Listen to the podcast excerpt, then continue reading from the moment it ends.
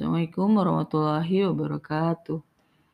Kita lanjutkan lagi pembahasan Al-Quran ayat 62 surat Al-Baqarah.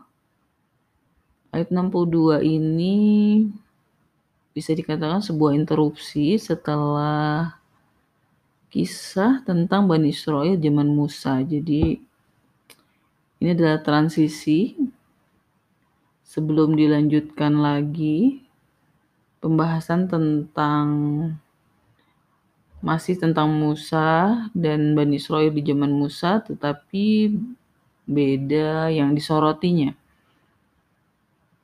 Jadi ayat 62 ini adalah intermezzo, mengingatkan lagi tentang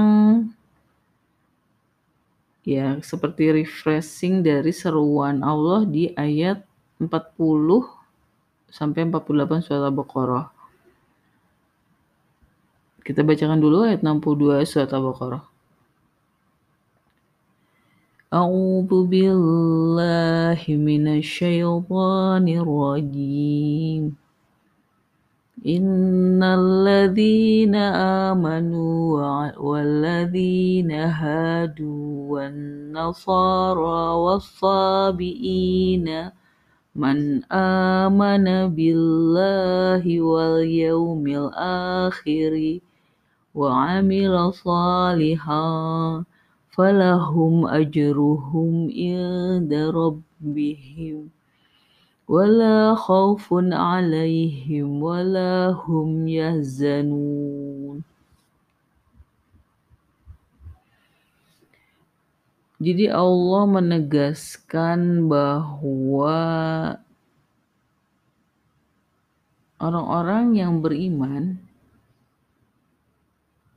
dan orang-orang yang merasa dirinya Yahudi, Nasrani maupun Sobiin yang beriman kepada Allah dan hari akhir lalu dari ketiga golongan yang tadi plus orang-orang yang beriman melakukan amalan solih, maka bagi mereka pahala sisi Rob mereka dan tidak mereka tidak ada ketakutan atas mereka dan tidak mereka bersedih hati. Seperti yang tadi sudah disampaikan bahwa ayat 62 ini intermezzo setelah Allah memaparkan tentang kisah Bani Israel zaman Musa.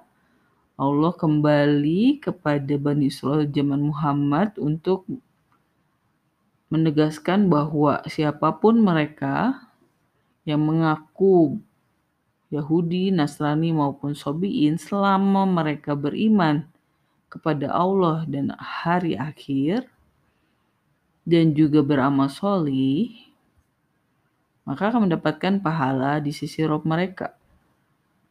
Mereka juga tidak ada ketakutan atas mereka dan tidak mereka bersedih hati. Allah langsung menyamakan posisi mereka dengan orang-orang yang beriman, orang-orang yang sudah beriman kepada Muhammad. Jadi ya seruan di ayat 40 sampai 48 ini sebelumnya masih satu vibrasi dengan ayat 62 ini. Ada yang menyatakan bahwa ayat ini berarti tidak ada masalah dengan mereka yang tetap dalam keimanan dalam tetap dalam tetap dalam agamanya seperti Yahudi, Nasrani, dan Sobiin selama mereka beriman kepada Allah dan hari akhir dan beramal solih. Yang jadi masalah adalah amal solih. Menurut definisi Islam, apakah sama dengan menurut definisi Yahudi, Nasrani, maupun Sobiin? Bisa dikatakan jelas berbeda karena ya karena beda zamannya beda juga syarat-syarat yang diminta Allah untuk sebuah amalan solih. Walaupun secara tidak khusus bisa dikatakan bahwa memang amal solih itu adalah amal apa pun, amalan mana pun yang lawan dari amalan berbuat kerusakan. Jadi amalan yang membangun, bukan amalan yang merusak. Tapi kalau secara detail apa itu amal solih, ya memang kita harus belajar mempelajari definisi-definisinya di ayat selanjutnya akan dipaparkan seperti apa itu amal solih itu. Jadi yang menarik adalah pada ayat sebelumnya Allah telah menyatakan bahwa orang-orang yang beriman dan beramal solih diberikan kabar gembira berupa surga. Nah, jadi kita bisa mengambil satu kesimpulan bahwa pahala dari Allah salah satu bentuknya adalah surga. Termasuk di dalamnya adalah tidak ada ketakutan atas mereka dan tidaklah mereka bersedih hati. Ada satu paketan yang bisa jadi di surga dijamin tidak akan ada ketakutan dan tidak juga mereka bersedih hati. Yang jadi pertanyaan, apakah pahala itu memang hanya surga atau juga di dunia ada? Dan juga apakah ketakutan maupun kesedihan itu di dunia bagi orang-orang yang beriman dan beramal soleh itu tidak akan pernah mengalaminya? Ya kita harus mempelajarinya lagi. Tapi secara garis besar kita bisa melihat bahwa pada dasarnya pahala adalah suatu balasan dari Allah bagi mereka yang beriman dan beramal soleh. Dan tambahan dari pahala itu adalah perasaan hilangnya rasa takut maupun rasa bersedih hati. Setidaknya yang terlalu meliputi gitu ya. Jadi mungkin sedih atau takutnya mah ada, cuman tidak sampai meliputi mereka sampai membuat mereka lupa dengan realita yang lain. Nah, pahala sendiri sebetulnya eh, adalah suatu balasan dari Allah. Jadi suatu reward ya, suatu ya suatu reward khusus atas amalan-amalan manusia dan juga atas keimanan mereka. Ini adalah suatu ya kalau kita kemarin membahas tentang bahwa manusia itu seakan-akan seperti karyawan yang memang diberi gaji gitu ya. Nah, sebetulnya gajinya itu lebih tepat kalau dikatakan gajinya itu adalah pahala.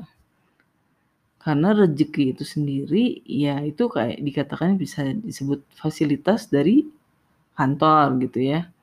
Tapi gajinya sendiri adalah pahala gitu. Jadi kalau kita misalkan manusia itu adalah karyawan seperti yang kemarin kita telah bahas ya. Jadi rezeki sendiri bukanlah gaji, tapi rezeki sendiri adalah fasilitas kantor yang bikin kita bisa tetap survive untuk bekerja gitu ya. Tapi gajinya adalah pahala. Dan side effect dari pahala itu adalah ya pahala maksudnya gaji itu kan bikin senang ya. Tapi kalau kita gajian kan sedih karena sebentar sudah habis. Tapi kalau Allah memberikan gaji maka ada side effectnya yaitu tidak ada ketakutan atas mereka dan tidak juga mereka bersedih hati. Satu hal lagi yang kita perlu garis bawahi adalah ternyata frasa wala khaufun alaihim wala hum yahzanun pernah muncul di ayat 38 surat Al-Baqarah. Ketika membahas tentang kisah Adam ketika Allah sudah memerintahkan Adam dan dan pasangannya untuk turun dari surga juga keturunannya. Allah menyatakan bahwa Barang siapa yang mengikuti, jika datang petunjuk Allah dan mengikut dan dia mengikuti petunjuk Allah, maka tidak ada ketakutan atas mereka dan tidak juga mereka bersedih hati. Jadi frasa yang di belakang ini sebetulnya eee, ya ada syaratnya juga gitu. Ini menegaskan bahwa amalan sholih yang dilakukan oleh manusia itu bukan amal suka-suka manusia gitu. Amalan itu harus sesuai dengan petunjuk yang Allah telah berikan. Seperti di ayat 38 surat Al-Baqarah. Jadi ini begitulah cara kita memahami Al-Qur'an, menggabungkan antara pemahaman satu ayat dengan ayat yang lain. Jangan sampai melupakan satu sisi karena Al-Qur'an itu saling berkaitan satu sama lain gitu. Ya, jadi eh, maka kita sudah selesai pertanyaan bahwa oh, lalu bagaimana orang-orang yang beramal tapi tidak sesuai dengan Al-Qur'an? Jelas tertolak karena amalan itu harus sesuai dengan petunjuk Allah. Di lain selain itu, iman kepada Allah dan kepada hari akhir juga bukanlah iman yang bisa direka-reka gitu. Jadi kalau misalnya kita bilang loh, tapi kan ada orang yang mengimani Tuhan lain, tapi juga mengimani bahwa ada hari kehidupan lain, tapi dalam bentuk misalnya uh, reinkarnasi misalnya ya. Apakah itu bisa dikatakan beriman? Nah, sebetulnya ya kalau nanti kita akan bahas bahwa keimanan itu sendiri tidaklah saklek gitu ya. Di ayat-ayat selanjutnya akan ada bahasan khusus tentang hal ini, tapi pada dasarnya membangun keimanan pada Allah dan hari akhir ini juga bisa dikatakan agak mustahil kalau kita tidak mengikuti petunjuk Allah. Karena ya manusia yang benar-benar bisa sampai pemahaman atau kesadaran seperti itu memang jarang. Sejauh ini yang benar-benar bisa dengan pemikirannya murni gitu ya sampai kepada Tuhan adalah hanya Ibrahim. Kita akan belajar gitu ya nanti di ayat selanjutnya bahwa pemikiran manusia itu sangat terbatas.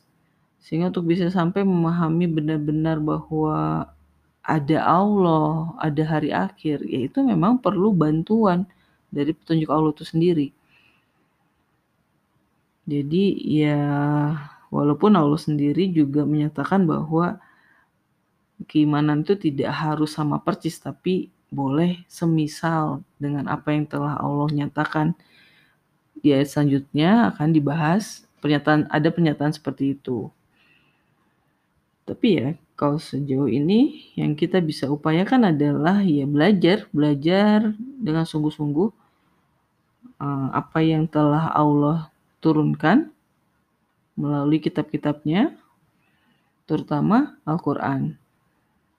Seperti yang saya sudah pernah nyatakan bahwa lalu bagaimana dengan validitas Al-Quran sendiri gitu? Apakah Al-Quran itu seperti uh, benar-benar kitab satu-satunya yang benar atau boleh mengikuti kitab yang lain. Nah, sebetulnya ini sudah terjawab di ayat 62 ini gitu bahwa tidak ada masalah seseorang mengaku dia Yahudi, Nasrani maupun Sobiin selama dia beriman kepada Allah dan melakukan dan pada hari akhir dan melakukan amal soli. Tapi yang jadi masalah adalah maksudnya hmm, amal soleh itu sendiri harus sesuai dengan petunjuk Allah. Jadi petunjuk Allah yang mana ya seperti yang kita sudah sampaikan bahwa Bani Israel pun diperintahkan untuk mengimani Al-Quran. Jadi ya tidak ada lagi yang tersisa petunjuk Allah selain Al-Quran itu sendiri. Justru ini yang nanti akan jadi masalah gitu ke ketidakimanan Bani Israel terhadap Al-Quran akan dibahas di ayat-ayat selanjutnya. Jika memang eh, jadi bisa dikatakan memang tidak ada jalan lain untuk bisa menapaki kehidupan dengan benar selain mengikuti Al-Quran. Sebelum kita tutup ayat 62 surat Al-Baqarah ini, Kita akan bacakan lagi ayat 62 surat Al-Baqarah. Sebelumnya eh, saya ingin memberikan sedikit gambaran bahwa di ayat selanjutnya kita akan membahas sisi-sisi lain dari Bani Israel di zaman Musa dan juga nabi-nabi selanjutnya yang berbeda dari pembahasan di ayat 49 sampai 61 surat Al-Baqarah. أعوذ بالله من الشيطان الرجيم. إن الذين آمنوا والذين هادوا والنصارى والصابئين من آمن بالله واليوم الآخر وعمل صالحا فلهم أجرهم عند ربهم ولا خوف عليهم ولا هم يحزنون. صدق الله العظيم. Assalamualaikum warahmatullahi wabarakatuh